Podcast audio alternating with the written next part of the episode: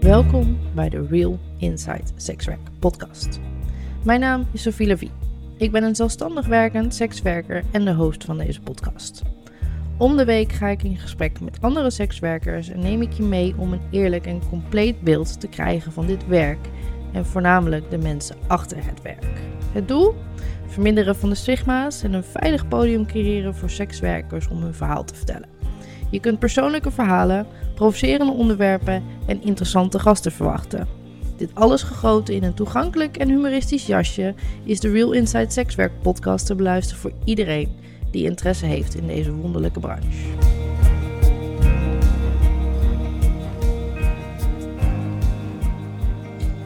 Hallo allemaal en weer welkom bij een nieuwe aflevering. Er zit iemand heel lief naar mij te lachen tegenover me. Oh, dan heb ik bij deze ook uh, verklapt dat ik uh, niet alleen zit. Um, want ik zit hier namelijk uh, vandaag met Harriette. Um, Harriette, horen jullie allemaal te kennen? Want daar heb ik al een keer eerder mee gekletst. um, dat was de aflevering waarbij ik ja, mijn iPhone had aangezet en dacht, oh, ik maak wel een samenvatting. En toen later echt steenveel spijt had, omdat het zo'n leuk gesprek was. um, dus ik heb Harriette gewoon uh, nog een keer gevraagd. En dan specifiek voor een onderwerp um, waar ik heel erg op aanging in ons gesprek. En dat was uh, dat jij benoemde hoeveel stigma er ook onder hulpverleners is. Um, dus we, wat mij betreft is de podcasttitel uh, Stigma onder hulpverleners. En Harriette haar stellige mening daarover.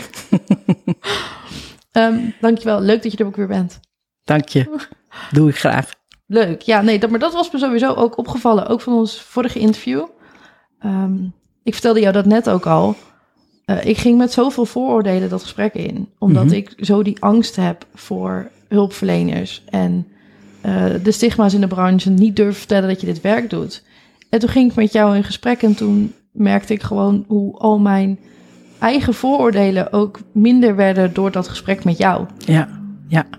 Um, en dat verkondig ik nu ook gewoon echt overal. Van, hey, ja. Er zitten mensen die, die, die een warm hart uh, dragen aan mensen Absoluut. Ja, zeker. Ja. ja. in dat opzicht heb je echt heel veel voor me betekend. Nou, heel fijn. ja. ja, dat doet me ook goed om te horen eigenlijk. Uh, hè? Want daar staan wij hulpverleners natuurlijk ook niet altijd bij stil. Nee. Hè? Als mensen voor het eerst bij ons komen, ja, hoe uh, zien zij ons? met welke verwachting gaan ze naar ons toe? Dus dat dat best spannend is met ook een bepaald idee, ja, kan ik me heel goed voorstellen. Mm. Nu, ja. ja. Ja, nee, dat was, uh, dat was heel bijzonder. Um, ja, dus, Stigman Hulpverleners. Hoppatee. Ja, gooi hem erin. Gooi hem erin. um, mijn eerste vraag voor jou. Um, wat zijn nou de stigma's van sekswerk? Überhaupt? Bij hulpverleners. Ja, ja. nou, hij mag breder. Um, mm -hmm wat, wat, wat mij betreft vertel je eerst wat volgens de maatschappij de stigma's ja, zijn. Ja, uh, ja. En kun je hem daarna verkleinen richting Precies, ja. ja. Want ik zou hem ook inderdaad wel graag wat breder aan willen vliegen. Um, maar ik denk, en dat merk ik ook wel eens... Um, Kijk, we denken in Nederland heel graag in hokjes. Hè? En we willen elk uh, risicogroepje graag ook in een bepaald hokje duwen en daar een stempeltje op plakken, want dan kunnen we of moeten we daar misschien wat mee. Terwijl ik zelf zoiets heb van, uh, ja, kijk eerst nou eens naar de mensen zelf. Wat vinden ze van zichzelf? Uh, hebben ze bepaalde zorg wel nodig? Willen ze die überhaupt? Um, en op het moment dat je iemand in een bepaald hokje gaat duwen, heb je daar ook een bepaalde mening over. Van ja, maar als je in de seksbranche uh, gaat werken, ja, jongens, uh, dat is alleen maar onveilig. Dat is alleen maar gedwongen. Uh, onveilig werk in de zin van veel gezondheidsklachten, veel SOA. Terwijl ook heel vaak er iets tegen in te brengen is, dat het tegenovergestelde is. Hè? En als je alleen maar uitgaat van wat je denkt, wat je verwacht bij sekswerkers, mm -hmm. maar niet eens met de mensen zelf praat, of ook juist de hele andere kanten ziet, ja, waar blijf je dan met je stigma? Hè? Mm -hmm. En uh, ik merk bijvoorbeeld ook bepaalde gelden die toegekend worden, voor het bestrijden van allerlei uh, nou, wanstoestanden bijvoorbeeld. Ja, die zijn allemaal gebaseerd op het is een uh, bepaalde doelgroep, die loopt gevaar en daar moeten we wat aan doen. Mm -hmm. Terwijl ik denk, ja, is dat allemaal nou wel zo? Hè? En waarom moeten we alleen op basis daarvan zeggen van nou, dan gaan wij bepaald werk voor de sekswerkers doen? Zitten zij daar allemaal op te wachten? Mm -hmm. Hè? datzelfde geldt ook een beetje voor uh, de, de mensenhandel bijvoorbeeld. Hè? Want dan lijkt het alsof uh, de seksindustrie per definitie seks uh, misbruik is, dus eigenlijk mensenhandel. Terwijl ik denk, ja, is dat in alle gevallen ook echt zo aan de hand? dus soms moeten we met een andere bril kijken, mhm. maar ook met een ander, uh, uh, ja, hoe moet ik dat nou eh, goed uitleggen? Met een, een, een ander idee ook de sekswerkers tegemoet treden. en laat ze zelf eens aangeven wat wil je, wie ben je en wat verwacht je van ons. En dat is waar ik zelf ook als professional best wel mee stoei. Want ik ben niet de meerderheid die zo denkt. Zo is het ook. Hè? En dat, uh, ja, dat maakt het soms ook wel eens lastig. Maar ik zie gewoon in mijn werk bepaalde dingen. En uh, op, op landelijke bijeenkomsten hoor ik weer andere dingen. Hè? En dat, dat vind ik dan wel eens, denk ik, ja, hoe is het nou eigenlijk? Ja? Hoe zit het nou echt? Ja, ik precies. vraag me dat ook af. Dat vind ik. En dan kan je wel met cijfers gaan gooien. Maar ja, we hebben zoveel. Uh, nou, hè, uh, prostituees uit de, de, mensenhandel gehaald. Ik denk, ja, maar van de hoeveel dan? Hè? Of we missen zoveel sekswerkers die we eigenlijk inschatten dat er uh, sprake is van uh, mensenhandel of misbruik. Ik denk, ja, ik vind het lastig. Ja. ja. Ik, ik vraag me dat ook wel eens af. Wat zijn die cijfers nou echt? Ja. Want ja. met het huidige beleid wat we hebben, is het nog steeds um, niet heel erg gek als je uh, onder de radar wil blijven. Precies. Um, ja. Dus in hoeverre kloppen die, ja. kloppen die cijfers nou? Ja. Um, ja. En in dat opzicht uh, zullen uh, ja, sekswerkers ook niet zo heel erg snel het achterste van hun tong laten horen. Precies, want dat hebben ze ook geleerd. Dus wat voor tegengeluid kan er dan ja, komen? Ja, dat is ook heel moeilijk. Maar als je bijvoorbeeld nou kijkt met dat hele gedoe rond dan zo'n pasje. Hè? Ja, ik, ik vind het werkelijk walgelijk wat hier gebeurt. Dus dat jij een pasje moet gaan aanvragen bij de gemeente ja. om, om uh, je te laten registreren als sekswerker. Ja. Dan denk ik, sorry, waar zijn we mee bezig? Even voor de goede orde, voor de mensen die nu niet weten waar Harriet het over heeft. Heel ik denk dat het heeft over de wet regulering sekswerk, ja. waar een vergunningsplicht bij zit voor alle sekswerkers. Um, dus niet meer dat je kunt gaan werken onder een exploitant en je exploitant is vergund, maar uh, elke sekswerker zelf is persoonlijk uh, vergunningsplichtig. Ja.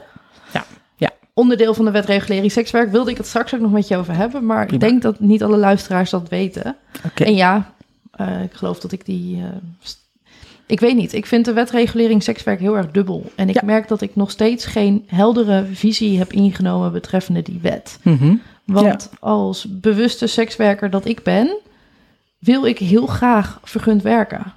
En vind ik het ook niet erg als mijn persoonlijke naam daarbij staat. Mhm.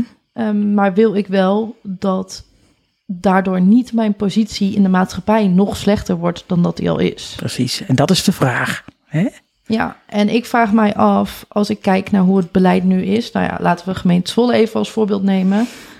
Ik heb uh, zes keer aan de telefoon gehangen met gemeente Zwolle. En ze konden me niet eens vertellen wat hun prostitutiebeleid nou eigenlijk precies was. Mhm, mhm. En dan denk ik, dan moet die, die, diezelfde meneer die op dit moment niet weet wat zijn beleid is, moet straks gaan bepalen of ik capabel en zelfstandig ben om sekswerker Ja, te zijn. ja, want welke criteria worden er dan voor gehanteerd? Ja. En wordt dat ook met andere eh, beroepsgroepen gedaan? Nou niet. Kijk, als je naar verpleegkundigen kijkt en, en tandartsen en artsen, fysiotherapeuten, die hebben een soort beschermde titel, om het zo te zeggen. Hè? Dan moet je je laten registreren als uh, beroepsbeoefenaar. In dit geval, dat noem je dan de BIG-registratie. Oké, okay, want als iedereen zomaar zegt, ik ben uh, verpleegkundige en die gaat een beetje aanrommelen, daar uh, is wel wat mee gemoeid, denk ik dan. Ja. Maar dat geldt niet voor andere beroepen, dus waarom moeten we nou van de sekswerkers vragen, nou ga jij nou even zo'n pasje regelen? Ja. Ja, het kan inderdaad vergunning, uh, hè, dat je dan op een legale manier uh, kan gaan werken, maar kan dat niet op een andere manier dan? Hè, dat je, maar goed, dat uh, Komen we nog op terug, zei je. Ja, maar hier Ja. kunnen we denk ik ook over blijven discussiëren. Ja, dat, dat Want kan. is denk ja. ik, eh, voor, voor iedereen die hierover nadenkt, ziet denk ik inderdaad en een voordeel en een nadeel. Ja, ja, ja, ja. En soms moet je eh, dan ook afwachten hoe het uitwerkt. Hè? Ja. Hoe de uitwerking van zo'n regeling gaat worden. Maar ik hoor uit eh, ehm, de achterban, hè, die wij dan tegenkomen op ons werk van de sekswerkers. Nou, dat eh, niet iedereen daarom staat te springen, inderdaad. Nee. Nee. nee, ook de dames in de branche niet. Nee, precies. Denk Ja. dat ik, ik ben een van de weinigen die hierover gesproken heb, die ergens ook een positieve kant erin ziet. Ja, oké. En bij mij druist het ook heel erg, ehm, want ik ben een voorstander van het normaliseren van de branche. Ja, ja. Ehm, en daar draagt dit inderdaad niet aan bij. Nee. Want we doen dit niet met andere beroepen. Nee, nee. Anderzijds eh, is het in mijn ogen ook nog steeds niet een volledig normaal beroep. Nee, Ook Nee. omdat die eh, misstanden er nog steeds zijn. eh, en er inderdaad wel daadwerkelijk een onderdeel mensenhandel en dergelijke Ja. in deze branche ja, zit. klopt. Dat groter klopt. is dan als je timmerman bent. Ja, Ehm, dus het, er het mag anders behandeld worden, maar het moet wel eerlijker behandeld ja, worden. ja, ja, ja. Nou, ik dat denk ik ook. Ik vraag me af of deze wet dat gaat doen. Ik heb erg weinig eh, vertrouwen, Vertrouwen. in eh, hoe, hoe, hoe dit gedaan wordt. Ja. Waar ik bijvoorbeeld, ik heb wel zitten nadenken, oké, maar hoe zou het dan wel werken? Ehm, stel, er zou daadwerkelijk een, een instantie komen die die vergunningen beoordeelt Ja, met mensen die daadwerkelijk en echt verstand hebben van de branche. ja. En waarbij bijvoorbeeld ook je vergunningsaanvraag wat langer mag duren. Mhm. Eh, stel je moet eerst drie maanden wachten voordat je je vergunning krijgt, waarbij Ja. je wekelijks in gesprek moet met iemand, ik noem maar wat. Mhm. Ehm, dan kunnen ze waarschijnlijk wel daadwerkelijk bepalen of jij in staat bent om dat te kunnen doen. Ja, maar ja, dan heb je dus wel een heel traject, alvorens je dan te horen krijgt. eh, ja, oké, wij vertrouwen erop dat het allemaal goed gaat. Dus bij deze krijg jij je, nou, bijna werkvergunning. Ja. Hè? Ja, kan iedereen daar zo lang op wachten? Welke gevolgen heeft dat, ook financieel? Eh, ja, ik vind het nog te veel schuren, zeg maar. Ja, maar alles Ja. schuurt. Ja, ja, precies, dat is ook weer zo. Dat ja. vind ik dus het lastige. Elke keer als ik erover nadenk, oké, en hoe zou het dan kunnen werken? Dan vind ik wel weer iets waarvan ik denk, nee, dit ja, nee dat, dat is ook niet handig. Precies, het blijft gewoon een hele ingewikkelde situatie. Dat is het gewoon. Maar ik, denk, ik denk wel dat er, er moet wel een keer iets gaan gebeuren. Ja, Ik ja. heb liever dat die wetregulering sekswerk een keer daadwerkelijk er doorheen komt en dat dat ons nieuwe beleid is, Mhm. Dan dat we blijven aanmodderen zoals we nu doen. Ja, alleen dan hoop ik wel, want ehm, het is per gemeente vaak ontzettend verschillend hoe er omgegaan wordt met het prostitutiebeleid. Hè, je zegt net eh, ook al even, ja, de gemeente Zwolle die kon je dat helemaal niet eens duidelijk vertellen. Terwijl bijvoorbeeld in een gemeente als Deventer eh, is het wel heel duidelijk. En daar hebben ze ook eh, goede overleggen, goede netwerken, goede contacten. Dus het is ook zo jammer dat het per gemeente weer anders wordt opgepakt. Hè? En ook het belang van hoe ga je met een goed prostitutiebeleid om, is dan vaak per gemeente verschillend. Dus daarmee doe je juist de branche ook niet altijd eh, ehm, ja, goed recht, zeg maar. Hè? Ja. Dus dat verschil landelijk is ook best behoorlijk. Ja, Ja, en alleen dat al zou een verbetering zijn. Als gewoon Absoluut. elke gemeente hetzelfde beleid zou Ja. hebben. ja, ja, ja. en ook dat zou moeten uitdragen. Hè? Ja, een verplichting Ja, voor een gemeente. Want ik heb soms echt ook wel het idee dat eh, het lijkt soms wel een beetje pesten. Ja. Eh, Ja, ja, ja.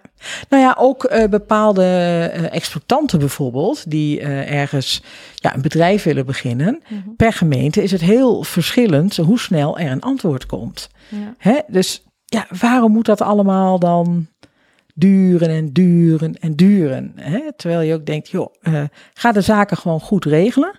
Ja. En eh, nou, handhaaf dat dan ook. ja. Maar goed, eh, hè? Ja. Doet me eraan denken. Ik heb een Ja. aantal stellingen opgeschreven waarvan ik heel erg graag wil horen of jij het daar eens of oneens mee bent. Ja. En je tipt er nu eentje aan waar ik iets over opgeschreven heb. Mhm. Ehm, even zoeken. Ja, ehm, omdat het voor exploitanten zo moeilijk is om hun bedrijf te beginnen, Mhm. verminderen we eigenlijk ook de marktwerking in eh, het aantal exploitanten. Waardoor we eigenlijk en indirect uitbuiting eh, groter maken door het huidige beleid. Mhm. Eens of oneens? Nou, daar kan ik het wel mee eens zijn, ja. Ja. Want dan gaan ehm, eh, zowel klanten die toch een bepaald aanbod willen hebben, het toch zoeken. En dan kan het ook zijn dat het op een illegale manier wordt aangeboden. En eh, ja, dan krijg je dat daar eh, sekswerkers misschien hun aanbod eh, ja, op een onveilige manier of wat dan ook eh, gaan realiseren. Ja. Dus dat, eh, ja, dat kan wel inderdaad eh, niet altijd goed aflopen. Wat ik daar heel erg opvallend aan vind, is dat ik ken maar één branche waar je als dame 50% van, jou, van, van jouw omzet moet afdragen aan je exploitant. Mhm. Ik ken maar één branche waar dat normaal Ja. is. Bemiddelingsbedragen zijn meestal 20, 30 procent, Ja. hooguit. Eh, en daar, dan heb je vaak ruimte om te onderhandelen, want je gaat de samenwerking aan. Klopt. En omdat het aanbod aan exploitanten laag is geworden en ook dalende is in de afgelopen jaren, er zijn verschrikkelijk veel bedrijven gestopt, ehm, krijgen exploitanten ook gewoon de mogelijkheid om inderdaad misbruik te maken. En Ja. wordt die positie nog slechter Ja, eigenlijk. dat klopt. Ja. En dan zie je vaak een verschuiving naar het eh, niet vergunde deel van de sekswerkers. Hè, dus ook het thuisaanbod bijvoorbeeld. Ja. Hè, en eh, er zijn heel veel gemeenten die gedogen dat op dit moment. De gemeente Zwolle is daar ook een van. Maar er zijn ook gemeenten die gaan daar heel hard op controleren. En eh, ja, hè, gaan dat ook handhaven. En dan is dat weer een nadeel voor eh, degene die thuis eh sekswerk eh, uitvoert, zeg maar. Hè? Dus, dus daar krijg je ook weer allerlei onrust en wanst- wantoestanden van. Ja. Ja, dus het zou veel beter zijn als er een gezond aanbod is, wat en vergund is en legaal en daardoor veilig. Misschien dat het ook al zou helpen als we nog even terugkomt, terugkomend op die wetregeling sekswerk. Ehm, als je een, een, een eh, vergunningsmogelijkheid hebt, Mhm. dat dames ook zelf kunnen kiezen: hey joh, ik ben vergund. Waardoor ze ehm, dat op hun site kunnen zetten en Ja. eh, andere klanten aantrekken. En misschien ook hun klanten opvoeden om eh, bewuster om te gaan met welke sekswerkers ze wel of niet. Ja, is interessant. Ja. hey, ik heb een nieuwe invalshoek Ja. gevonden. Schrijf op. En dan bedoel je bijvoorbeeld ook, ehm, nou, als iemand gewoon thuis werkt, hè, dan, eh, en het is toch vergund, dan, eh, Dan ja, dan, he- kan het dan meer gedoogd worden. Precies. Of, of Precies. beter. Ik, ik Ja. denk ook dat er moet gewoon meer zicht komen, ook op die vergunde branche. Ja. En Ja. op die groep met sekswerkers die er bewust voor kiezen. Ja. ehm, Ja. Voor dat tegengeluid. Maar ook als het gaat om het eh, bestrijden van juist dat wat we niet in de branche willen Precies, hebben. Want het wordt gewoon zichtbaarder. Uitstekend. Ja, ja, zou zeker heel mooi zijn. Ja, maar dan denk ik ook dat het ook heel goed is, ook vanuit de politiek gezien, dat er meer met de branche zelf eh, besproken zou worden. Hè? En, en, en ideeën uitgewerkt zouden worden dan wat er nu steeds gebeurt. Hè? Met van, eh, dat, je ook, dat er meer gekeken wordt vanuit bepaalde politieke partijen die aan de macht zijn, hè, in een coalitie zitten, die een heel strikt idee hebben over wat is sekswerk en wat moet vooral niet. Mhm. Ja, en dan, dan blijf je toch een beetje eh, hangen op het feit eh, ja, dat, dat het ook niet echt een liberaal beleid eh, wordt. Hè? En, dat, en dat het ook misschien lang duurt voordat er eh, wetgeving gerealiseerd wordt. En dat is ook wel een beetje jammer, vind ik, eh, hier in Nederland. Ja, we zijn aardig Ja. aan het polderen. Absoluut. Ja, En vooral als het gaat om moeilijke onderwerpen. ja, ja, Het valt mij ook op ehm, dat op het moment dat het om een moeilijk onderwerp gaat, ehm, onze, ehm, ons politieke stelsel ook gewoon echt wel gewoon zijn kop in het zand wil steken. ja. Dat zie je nou ook weer gebeuren hè, met het eh, bekende stikstofprobleem. Ja, Ja, als we doen alsof het probleem er niet is, dan is het probleem is het er ook niet. En dan schuiven we het vooruit en we blijven toch eh, nou, lekker zitten Ja, in maar Den we gaan er wel over polderen. Ja, tuurlijk, want we geven er wel aandacht aan. Op onze manier. Ik ja. vind het wel grappig hoe eh, bepaalde eh, denkbeelden wel enigszins overeenkomen. ja. Oh, deze heb ik, ik, een van de stellingen die ik had opgeschreven. als je een genormaliseerde branche hebt, maakt dat het onderscheid tussen vrijwillig en dwang groter. Nou ja, die heb jij net Precies. bevestigd. Ja, precies. Heel duidelijk. Ja, ja, Ik schrijf ze even, ik doe even vinkjes er doorheen. Ja, Dus op het moment ja. dat ik ze aan je gevraagd heb. ja. Ik heb dit zo goed voorbereid dat ik niet meer Zie snap je wat, we- wat er allemaal staat. Nee, Zo. ik vind het echt een heel interessant onderwerp. Ja, nou, dat is het ook. En dat is eigenlijk ehm, al jaren ook wel aanwezig, maar er is nooit echt goed over gesproken. Niet in een debat, niet in, eh, nou, zeg maar, bijscholingen van eh, eh, ook professionals. Hè? Want daar ging het altijd om bestrijden van hè, SOA en al die wantoestanden. Maar het, eigenlijk zou het moeten gaan over van, hé, hey, eh, hoe kunnen we het gewoon zo goed mogelijk reguleren? En dan met eh, stem en meedenken van de branche zelf. Dat zou ik een heel liberale oplossing vinden. En niet met een negatieve ingang. Ja, en ik vind dat daar ook, daar zit ook een, ehm, daar zit een roeping voor sekswerkers om eh, Ja. zich meer te verenigen en vaker Ja. van zich te laten horen. Ja. En dat is een van de dingen die mij storen in ehm, de vele sekswerkers die ik wel ken. Ja, Het is vaak een, een, een baan wat je voor een tijdelijke periode doet. Er zijn Mhm. weinig echte vakidioten zoals ik, mhm. Ehm, die ook de behoefte voelen om iets te willen veranderen aan de branche. ja, ja, ja, ja, ja. Ja, klopt. Dat is ook zo. En dan ga je niet een beetje extra inzetten voor de professionele kant. Hmm. Hè? Voor, ten behoeve van je positionering of hè, je, je, je stem laten horen of wat dan ook. Ja, Ja. het is ook een ehm, bijzonder confronterend proces. Ja, Ehm, ik probeer echt altijd van het positieve uit te gaan en ik, eh, vertrouwen te hebben in andere mensen. mhm. Eh, maar je krijgt echt heel erg vaak de deksel op zijn kop. ja, ja, geloof ik. Eh, En dat is ook heel frustrerend, lijkt mij. ja, dus je, Ja. Moet, je moet heel stevig in je schoenen zijn, Mhm. in je schoenen staan. Ja. en volharden. Ehm, wil je dat echt ook langdurig volhouden? Ja, ja, ja, dat kan me voorstellen. Ja, oké. Waar komen volgens jou de stigma's vandaan en hoe worden ze ook in stand gehouden? Ja, ik denk dat eh, stigma's zijn natuurlijk van alle tijd. Hè? En van allerlei groepen. En dat is in dit geval met de sekswerkers precies zo. En ik denk dat het vaak ehm, ook heel snel overgenomen wordt ehm, van bestaande professie. Of eigenlijk bestaande stigma's worden gewoon standaard overgenomen. Van het zal wel zo zijn.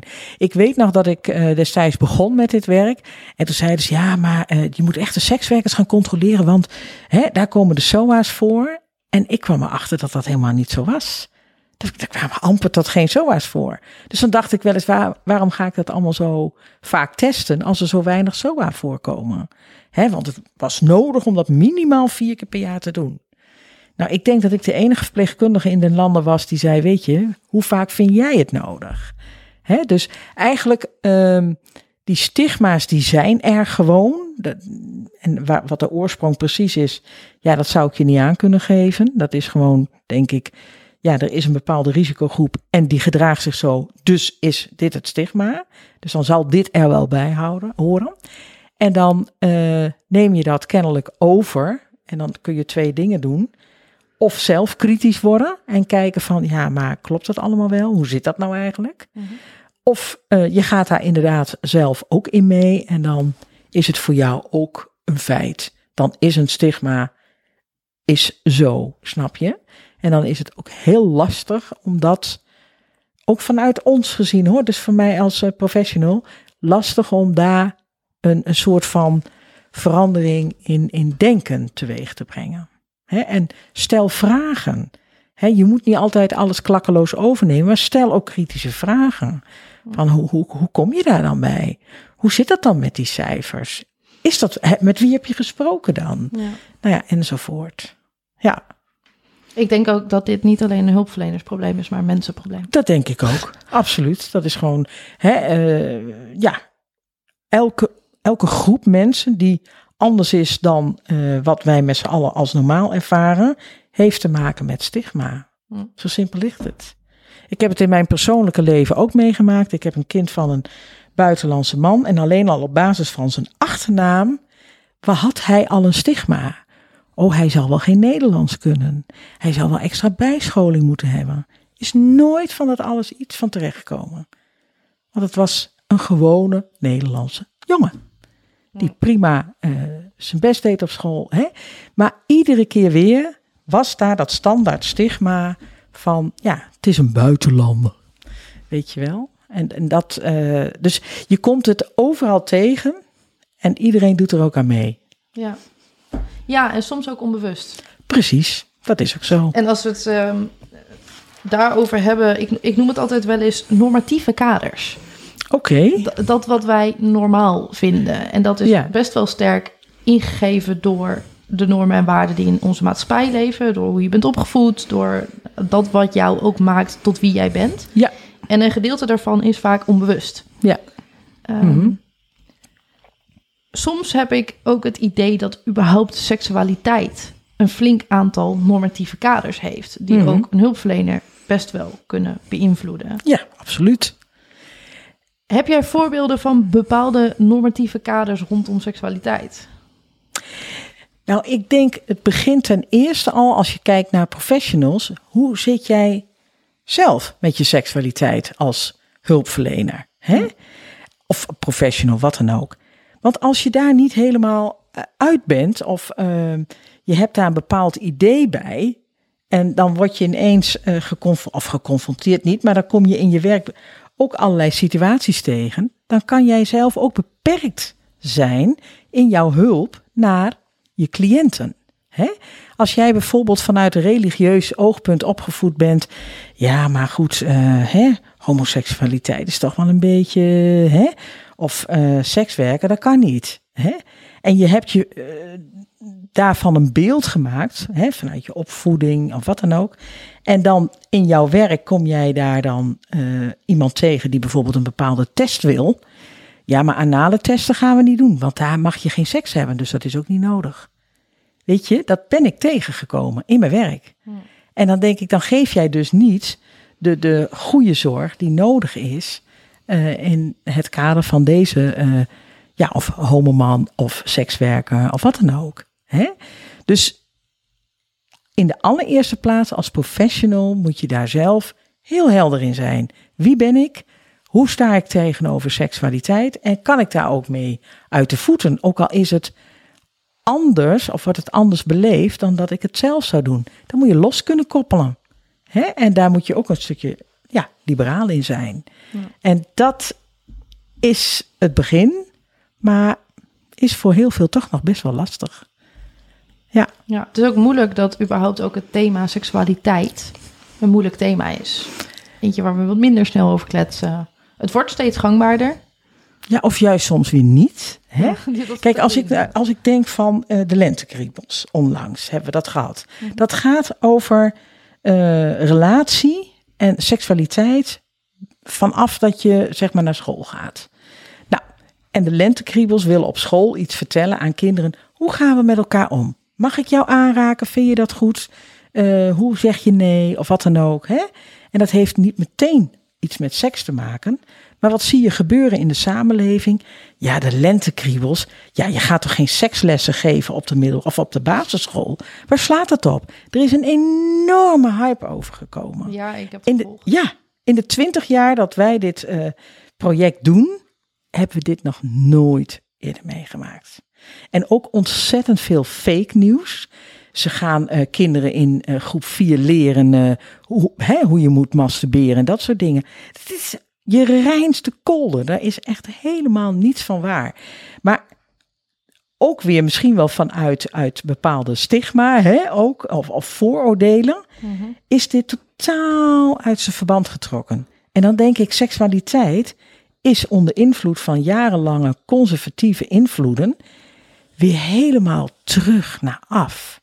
En dat geldt uh, seksualiteit in het algemeen, maar ook voor bepaald, hè, mensen met een bepaald geaardheid of twijfels daarover, twijfel over gender. Het is ineens allemaal weer nou, over de grens kennelijk. Hm. En dat vind ik ontzettend jammer. Vind ik echt heel jammer.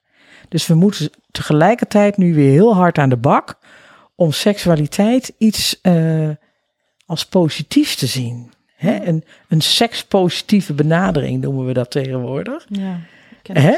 Ja, en dan denk ik, goh, jeetje.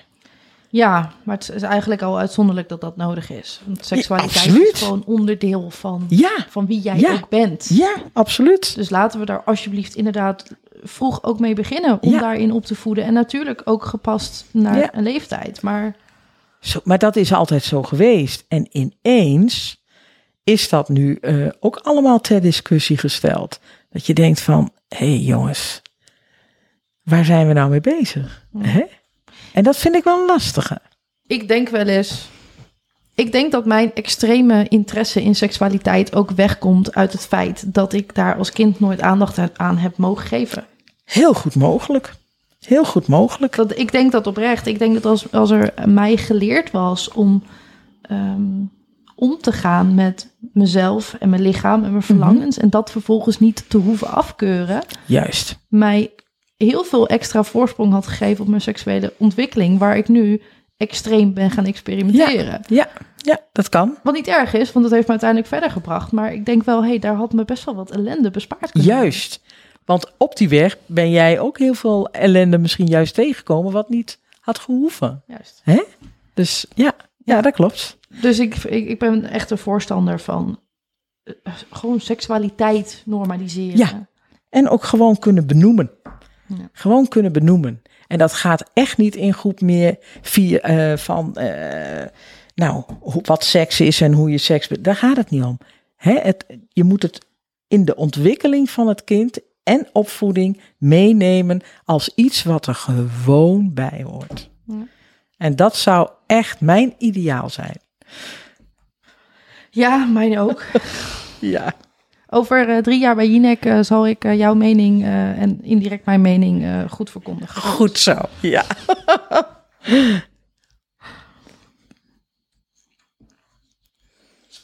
Ah, ik heb weer een interessante stelling. Sekswerk vaak is niet het probleem, maar iets wat erachter zit. Psychische problemen of bijvoorbeeld armoede. Het is dus raadzaam om oplossingen te vinden voor, het, voor alle achterliggende problemen. Sekswerk criminaliseren of afpakken lost al die achterliggende problemen niet op. 100% mee eens. 100% mee eens. Ehm, in de 22 jaar dat ik dit werk nou doe, hè, eh, en in al die jaren ben ik natuurlijk heel veel sekswerkers tegengekomen.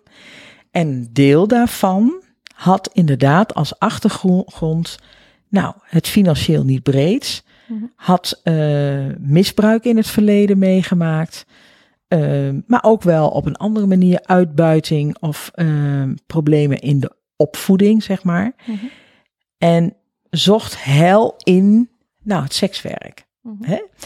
Een stukje aandacht, ook een stukje macht. Hè? Ooit zei een eh, sekswerkster tegen mij: Ja, weet je, vroeger werd ik uitgekleed en nou kleed ik de mannen uit. En dat bedoelde ze niet alleen letterlijk, maar ook financieel. Ja. Weet je, en daar, daar zat ook een, een stuk van uit het verleden, wat haar parten speelde.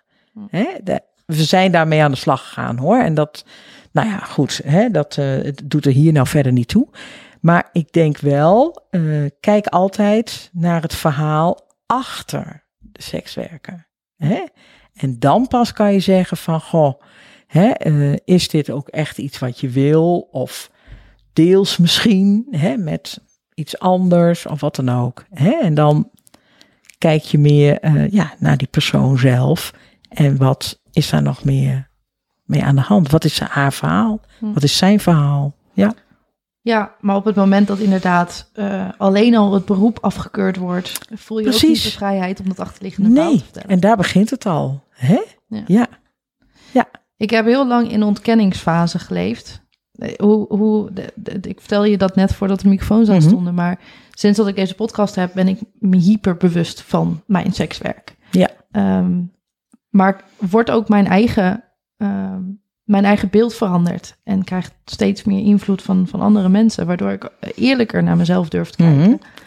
Ja. En waar ik eh, altijd verkondigd heb dat ik zo'n bewuste sekswerker was en overal zo bewust voor koos, kom ik steeds meer tot de conclusie dat ook eh, ook bij mij best wel onbewust er heel veel ongezonde patronen in zaten. Mhm. eh, waar mijn sekswerk wel een uiting van is. Ja, ja, ja. ja. En dat aan zich is niet erg. Nee.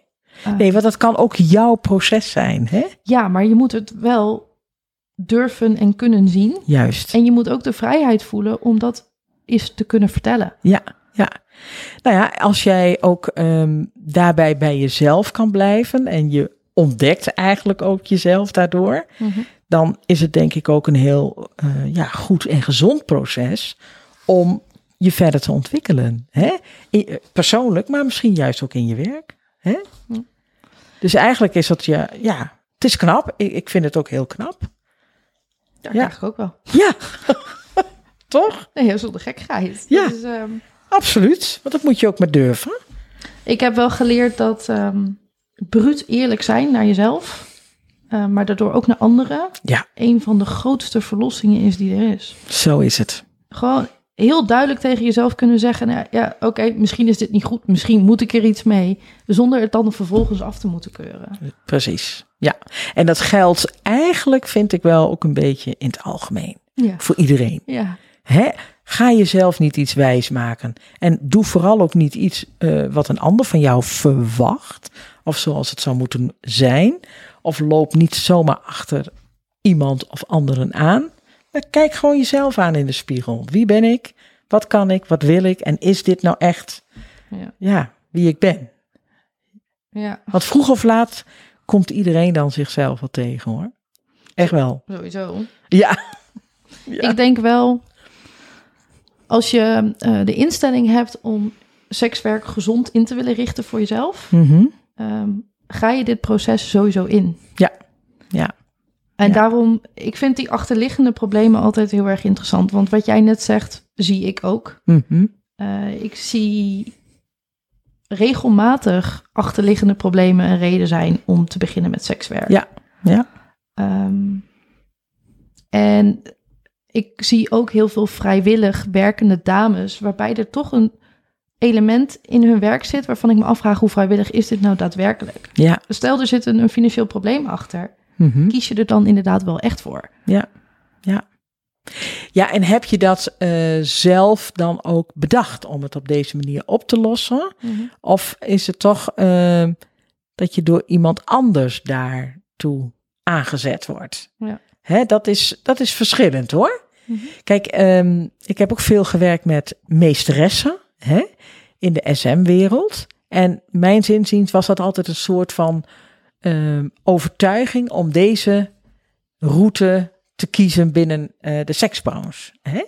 Er zit ook een, eigenlijk een opleiding aan vast, hè, want je mag echt je niet zomaar meesteres eh, noemen. En eh, dan was ik altijd heel benieuwd van, goh, maar hoezo ben je nou hier zo op uitgekomen? En zij hadden eigenlijk altijd een soort van ja, route afgelegd die ertoe leidde dat ze graag meesteres wilden worden. Hè? En eh, dat had vaak te maken ook wel met hun verleden. Mhm. Hè? Ehm, maar soms ook gewoon puur een bepaalde interesse hè? In, in verhoudingen, eh, machtsverhoudingen. Maar goed, daardoor werd het mij wel duidelijk van, ehm, ja, bepa- in bepaalde opzichten wordt er echt wel vol overtuiging gekozen Mhm. hè, voor werken in de, of binnen de seksbranche. Maar er zijn ook vrouwen die zeiden heel duidelijk, weet je, er moet een nieuwe koelkast komen. En ik kan wel, eh, ik weet niet hoe lang achter die kassa bij Albert Heijn zitten. Maar als ik even een paar weken hier werk, dan heb ik hem binnen. Hè? En dat was puur een financieel ja, motief. Vaak zag je ze dan toch wel wat langer doorwerken, want het gaf ook iets. Hè? Mhm. Het gaf een bepaald gevoel van saamhorigheid, ook zeker in bepaalde clubs heb ik dat echt gezien hoor, die ook, ook wel meer dan tien jaar met elkaar samenwerkten. Want zo zagen ze het. eh, hè? En eh, ja, dan bleven ze hangen. Want ja, dat was dan hun wereldje. Ja. Ik denk ook dat dat blijven hangen eh, inderdaad een, een onderdeel is. Ja, ja. Het is ook een, ehm, een semi-verslavende branche. nou, dat, dat denk ik ook, ja. Want het is ook, kijk, in mijn geval, eh, ik begon toen ik 18 was. Mhm. Ehm, ik heb nooit echt heel erg goed leren omgaan met geld, omdat ik veel verdiende. Mhm. Ja, En Ja. als je eenmaal gewend bent aan een bepaalde maatstaven, dan stel je moeilijk bij. precies. Ja. Ehm, dat is één ding. Ja, nou, dat is het ook. Ja. En- En los daarvan, kijk nu, nu. Ik wil nu absoluut niet meer stoppen met mijn sekswerk. Mhm, Echt heel mhm. blij met hoe het nu is. Ja. Ehm, maar ja, ik werk maar twee dagen in de week. Mhm. Kan ik ooit nog terug naar fulltime voor een baan, baas werken? Ik vraag het me af. Ja. Nou, nu nog niet misschien. Nou, ik moet Maar, er niet aan denken. Ik Nee. Maar dat, Ja. is, dat zijn wel, wel echt effecten. Ja, dat klopt. Ja. Nou, de, de financiële prikkel is, eh, is vaak ook inderdaad eh, natuurlijk hè, een reden om, om toch te blijven doorwerken. Maar sommigen vinden ook een stukje erkenning en aandacht hè, Mhm. voor wie ze zijn. En eh, ik, eh, ja, ze- ik, ik voel me geliefd of wat dan ook. eh, hè. Een stukje macht kan ook. Hè, want dan ben jij de baas over. eh, hè. Dus er zijn heel veel verschillende redenen die, die, ja, die, die vrouwen toch, maar ook mannen natuurlijk, ja, in, in de seksbranche eh, laten blijven, zeg maar. Mm. Ja, gewoonte. Gewoon. Ja, ja, Ja, laten we het daar eens over Ja, hebben, inderdaad. gewoonte, ja. Het is lastig om zomaar ineens te zeggen, nou, eh, d- ik ga maar eens wat anders doen. Ja, en dan? Ja. Gewoonte is ook zekerheid, is hou vast. Hè? Ik pleit ook voor sekswerk kunnen gebruiken op je cv. Ja, Ik ben nu echt, ik zit heel sterk in het proces om ehm, mijn LinkedIn ehm, sekswerk te maken. ja, Ehm, ik ben ondertussen ook gewoon Marisa in deze podcast. ja, ja, en ik, ik wil gewoon op een feestje vertellen, hey joh, doe dit en dit. Ja. Maar ik wil ook gewoon op het moment dat stel ik maak over vijf jaar de keuze om weer voor een baas te willen werken, Mhm. dat ik kan vertellen dat ik sekswerk heb gedaan. Ja. En dat als iets positiefs wordt gezien wat het is. En dat het niet tegen je werkt. Nee. En dat, Ja. is, dat zijn al die kantjes van de branche die mensen niet zien. Nee. Maar ik ben een ander mens door mijn sekswerk. Ja. Ik heb zoveel meer mensenkennis. Ja. En zoveel meer inzicht in mezelf. Ja. Ehm, en dat, daar was ik niet geweest als ik dit werk niet gedaan had. Precies. Ja, En de social skills die je nodig hebt voor sekswerk. Je bent eigenlijk in mijn geval in een stukje branche waar ik zit. Ik ben een halve psycholoog. ja. Nou, in ieder geval maatschappelijk werkzaam. Ehm, ja, hier geef ik mezelf credits die ik niet mag hebben.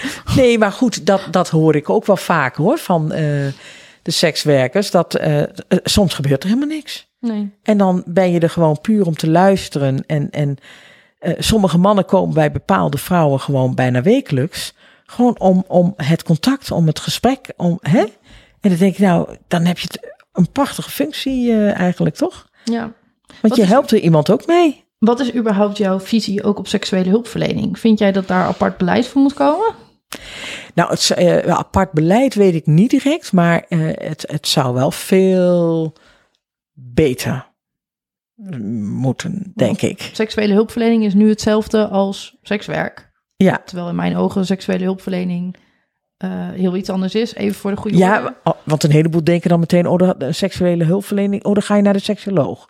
Hè, met je erectieprobleem. Ik denk dat heel veel mensen dat als eerste Ja. eh, voor de geest halen als je het hebt over, eh, ik ga naar eh, seksuele hulpverlening. Hè? Voor mij, seksuele hulpverlening. nee, maakt niet uit. Wat is, jouw, wat is seksuele hulpverlening voor jou? Nou, als het, dat ligt er dus inderdaad aan vanuit wie je het benadert. Mhm. Hè? Als het seksuele hulpverlening is vanuit de seksbranche, dan is het eigenlijk heel breed en dan dekt het een hele grote lading, denk ik. Hè? En dan hebben we het over thuiswerksters, we hebben het over massagesalons, we hebben het over seksinrichtingen, eh, escort, nou noem het maar op. Hè, tegenwoordig ook die rooms hè, die je kan huren eh, voor een paar uurtjes, wat een beetje doet denken aan bed and breakfast, dat, dat is er tegenwoordig ook.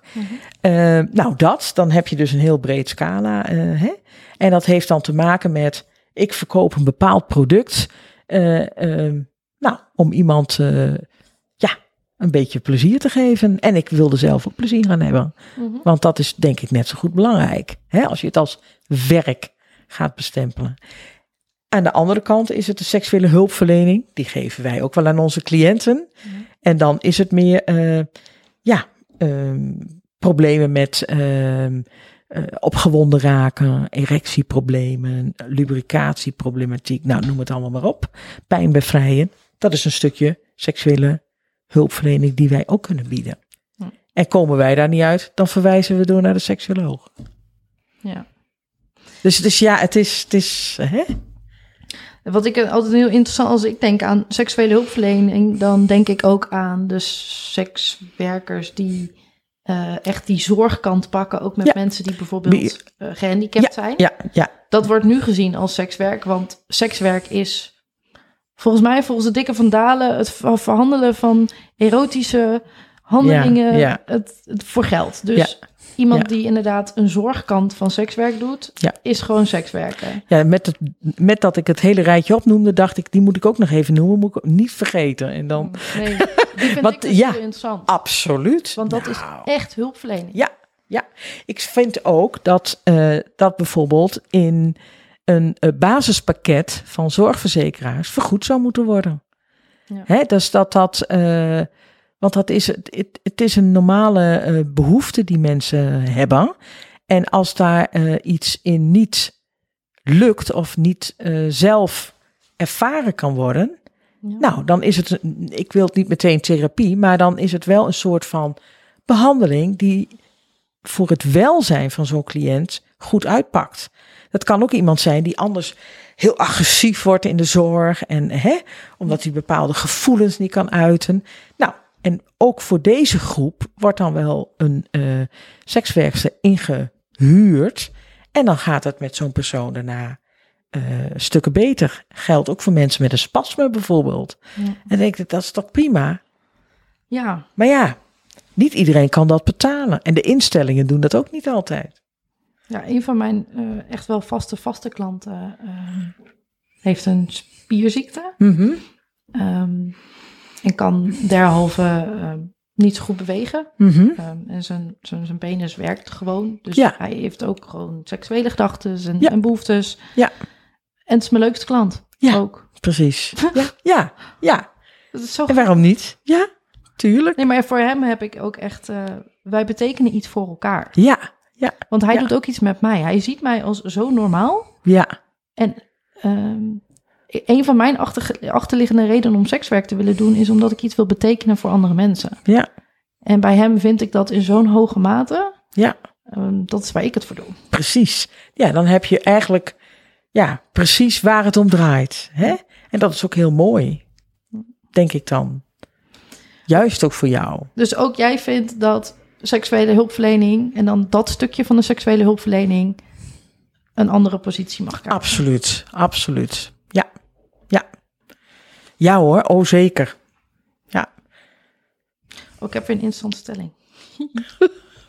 ik heb zoveel lol gehad met het opschrijven van mijn stellingen. nou, ik zie dat je er ook heel wat opgeschreven Ja, nee, hebt. ik, ik wist ook dat ik ze niet allemaal zou kunnen aan, aankaarten in een uur tijd.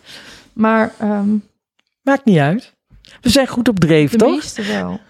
Nee, maar ik vind het ook zo'n fijn onderwerp. Ja, Dat ik...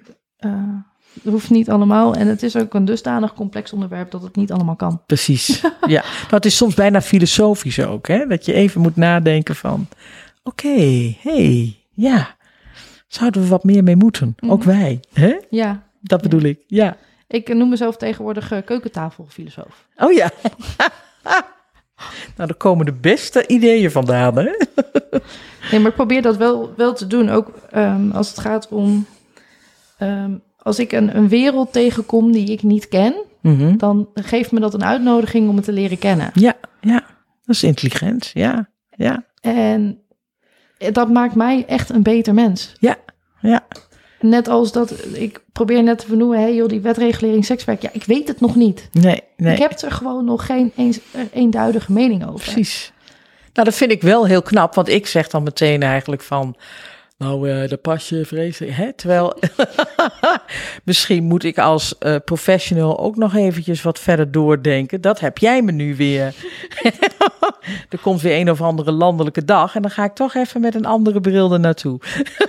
ja, Maar dat, dat, dat helpt ons verder. Want Ja. Ik zie ook bijvoorbeeld de, de, ehm, de sekswerkers die actief zijn in het willen verminderen van stigma's, Mhm. zijn vaak heel erg eenduidig in hun mening. Ja, ja, En dat heeft vaak ook een averechts effect. Want je- je vergroot ook die afstand. Door Ja. maar zo heel duidelijk te blijven roepen: sekswerk is werk. ja, ja, ja, ja. Ja, klopt, het is werk. Ja, Maar waarom dan? ja, ja, ja. Ja, precies. Hè? Je moet er eigenlijk wat meer... Ja, we moeten meer met elkaar in gesprek. Ja, maar ook openstaan voor iemand Precies. anders zijn mening. En je vragen stellen. Ja, Juist. ja klopt. Dat mag wat mij betreft ehm, eh, echt wel anders. Ja, eens. Als dat je stelling is, zeg ik ook eens. Nog één stelling. Oké, Nee, twee. is ook goed. Twee. twee kan in tien minuten. Ja, is goed. Sekswerk criminaliseren ehm, zorgt ervoor dat sekswerkers eerder geneigd zijn om zorg te mijden. Eens. Ja, ja. Want ehm, dat heeft ook weer te maken met eh, vertrouwen, denk ik. Mhm. En ehm, ja, voordat jij als sekswerker je meldt bij hulpverlening of wat dan ook, eh, ja, dan moet je wel zeker weten, is het oké daar? En is het oké wat ik daar vertel? Kijk, als jij eh, als sekswerker bijvoorbeeld bepaalde hulp wil en je wordt doorverwezen naar maatschappelijk werk, ik zeg maar wat. En daar wordt gezegd, hé, hey, maar jij bent eh, aan thuiswerken, dat is eh, illegaal. Dus ik ga dat melden bij de sociale dienst, want jij krijgt ook een bijstandsuitkering. Oei. Nou, dan zou ik denken als eh, sekswerker, ik ga daar niet meer naartoe. En ik zorg dat anderen dat ook niet doen. Want dat geeft wel een ontzettend gevoel van onveiligheid. En kan ik dan wel precies vertellen eh, wat me dwars zit of waar ik mee zit. En datzelfde geldt. eh, kijk, wij zijn eh, vanuit ons werk een soort vertrouwenspersoon. En ja, dan moet ik wel heel goed duidelijk maken dat ik niks te maken heb met de Belastingdienst en de politie of wat dan ook. Want ja, dan kan ook gedacht worden, ja, maar misschien geeft zij wel alles door aan de politie of eh, de Belastingdienst of wat dan ook. Terwijl ik daar helemaal totaal niks mee te maken heb. Dus ik kan me voorstellen dat, dat, ja, dat die raakvlakken heel dicht bij elkaar liggen. eh, van de verschillende hulpverleners. En dat je dan niet als sekswerker zomaar eh, ja, ingang daar zoekt. Wat zou er moeten gebeuren om deze branche meer te normaliseren? Ehm, ja, ik denk dat er sowieso verschillende dingen moeten gebeuren. Ehm, ik denk het hele eh, vergunbeleid, dat moet denk ik veel soepeler, veel makkelijker. Ehm, ten, en ook inderdaad, nou, het wegnemen van stigma's, hoe je dat dan ook doet. Eh, en merk het inderdaad aan als werk. Hè? En ja, nou ja, ik ben nog niet zo helemaal uit over de pasjes dan, eh, of die daar dan. eh? Mm, Ja, en, en ga meer met de groep zelf in gesprek. Hm. Ook politiek gezien. We hebben de tijd niet helemaal mee met de conservatieve eh, partijen, de christelijke partijen met name. Eh, want die kijken daar toch op een andere manier naar. En ik denk dat dat niet de oplossing op lange termijn geeft. En zeker niet om prostitutie gewoon te verbieden, want dat is wat ze eigenlijk een beetje willen. Hè? Dus ehm, ja. Dus ja, ik- verschillende sporen denk ik volgen. Maar En- ik hoor wel heel duidelijk. Even kijken. Eh, Meer met de groep zelf Ja. aan de slag. En niet eh, alles meteen sanctioneren en criminaliseren. Want dat wordt het eigenlijk gedaan. Ja. En kijk, mannen blijven seks. Die willen gewoon seks. Hè? En ook wel eh, ehm, niet alleen met eigen partner of wat dan ook. Dus die behoefte zal er altijd zijn. Nou, zorg dan dat dat aanbod goed geregeld is. Op een, een veilige en nette manier. En maak dat niet tot een soort van verbod. Of een soort van, eh, nou, de norm is dat dit niet hoort. Punt. Hè, want dan kom je heel snel al op het criminele, eh, in de criminele sfeer terecht. Ja. Ja. Helder. Laatste vraag. De laatste vraag. Ja. Ik vind het wel jammer. Ik denk dat ik hier meer mee moet gaan doen. Hm. Kletsen over deze onderwerpen. Ja, nou ja. Ik zit de laatste tijd heel erg vaak in mijn hoofd dat ik eigenlijk gewoon... eh, in Breda heb je eh, echt een bedrijf wat gericht is op het... ehm, ehm, neer, positieverbetering voor sekswerkers. Mhm. Ja, ja. En dat is dan alleen daar voor Brode- Breda. Dus in de gemeente Breda daar heeft een heel fijn Oké, dat wist ik niet. beleid. Oh ja? Ja, zij komt ook in de podcast binnenkort. Een van de dames die daarvoor werkt. Oh, wat goed. En ik dacht, waarom zou je dit niet eh, landelijker neer kunnen zetten? Ja. Ja. Ehm, dus dat, dat het niet alleen maar in die ene gemeente goed Nee. geregeld is, maar dat er een landelijke plek is waar al die verschillende stromingen bij Ja. elkaar mogen komen. Nou, en dat is meer van wat ik ook net eh, bedoelde. Dat eh, de stem moet meer uit de branche zelf komen. Dus van jullie sekswerkers. Hm. Hè? Maar goed, je zegt zelf al, dat is soms ook heel lastig om eh, hè, vrouwen die dat dan maar een tijdje doen. En nou ja, oké, hè? Ja. En het ook lastig misschien vinden om juist daar ook op een wat eh, hè, politieke of vakbondachtige manier mee om te gaan. Mhm. Maar het, het, het zou meer vanuit de sekswerkers zelf op de agenda moeten komen. En dat er met jullie gepraat wordt. En niet alleen maar over jullie. Ja, dat vind ik eigenlijk. Ik ga mijn laatste vraag achterwege laten, want ik vind het echt een hele mooie afsluiting. Nou, dan sluit ik me bij jou aan. ja. Dankjewel dat je weer luisterde naar een aflevering van de Real Inside Sexwork podcast. Elke dinsdag om de twee weken is er een, eh, een nieuwe aflevering. De ene keer ga ik in gesprek met een andere sekswerker of een instantie. Ehm, en soms ga ik in gesprek met mezelf over een bepaald onderwerp. Denk je nou, hey joh, ik eh, wil de Real Inside Sexwork podcast eh, goed in de gaten houden. Ga ons dan op Instagram volgen. Dat is de Real Inside Sexwork podcast zonder spaties, geen gekkigheden.